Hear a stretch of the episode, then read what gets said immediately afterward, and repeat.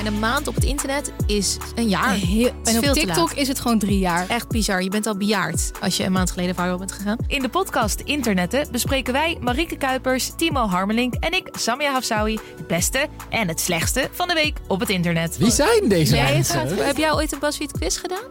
Iedereen heeft een Toch? BuzzFeed quiz. Ja, een Hoeksteen bedrijf. van millennial humor. Dus dit is een beetje een soort van de vage tijdlijn. Nu gaan we terug naar Reddit. Elke keer bespreken we wat het algoritme ons deze week weer heeft voorgeschoteld. Van nieuwe AI-creaties en crypto-coaches tot aan de rechtszaak tegen Gwyneth Paltrow en de gekste nieuwe beautyfilters.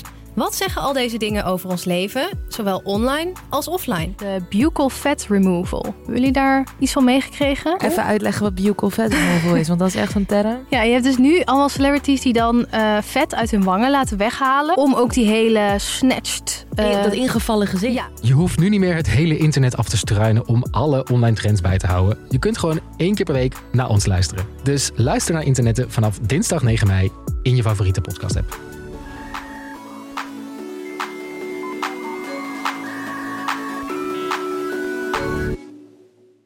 Nou, dit was een leuke aflevering. Als jullie nog een aflevering willen luisteren over iets soortgelijks, maar dan anders. Want over kinderen, ouderschap, midlife crisis, rivierkreeften.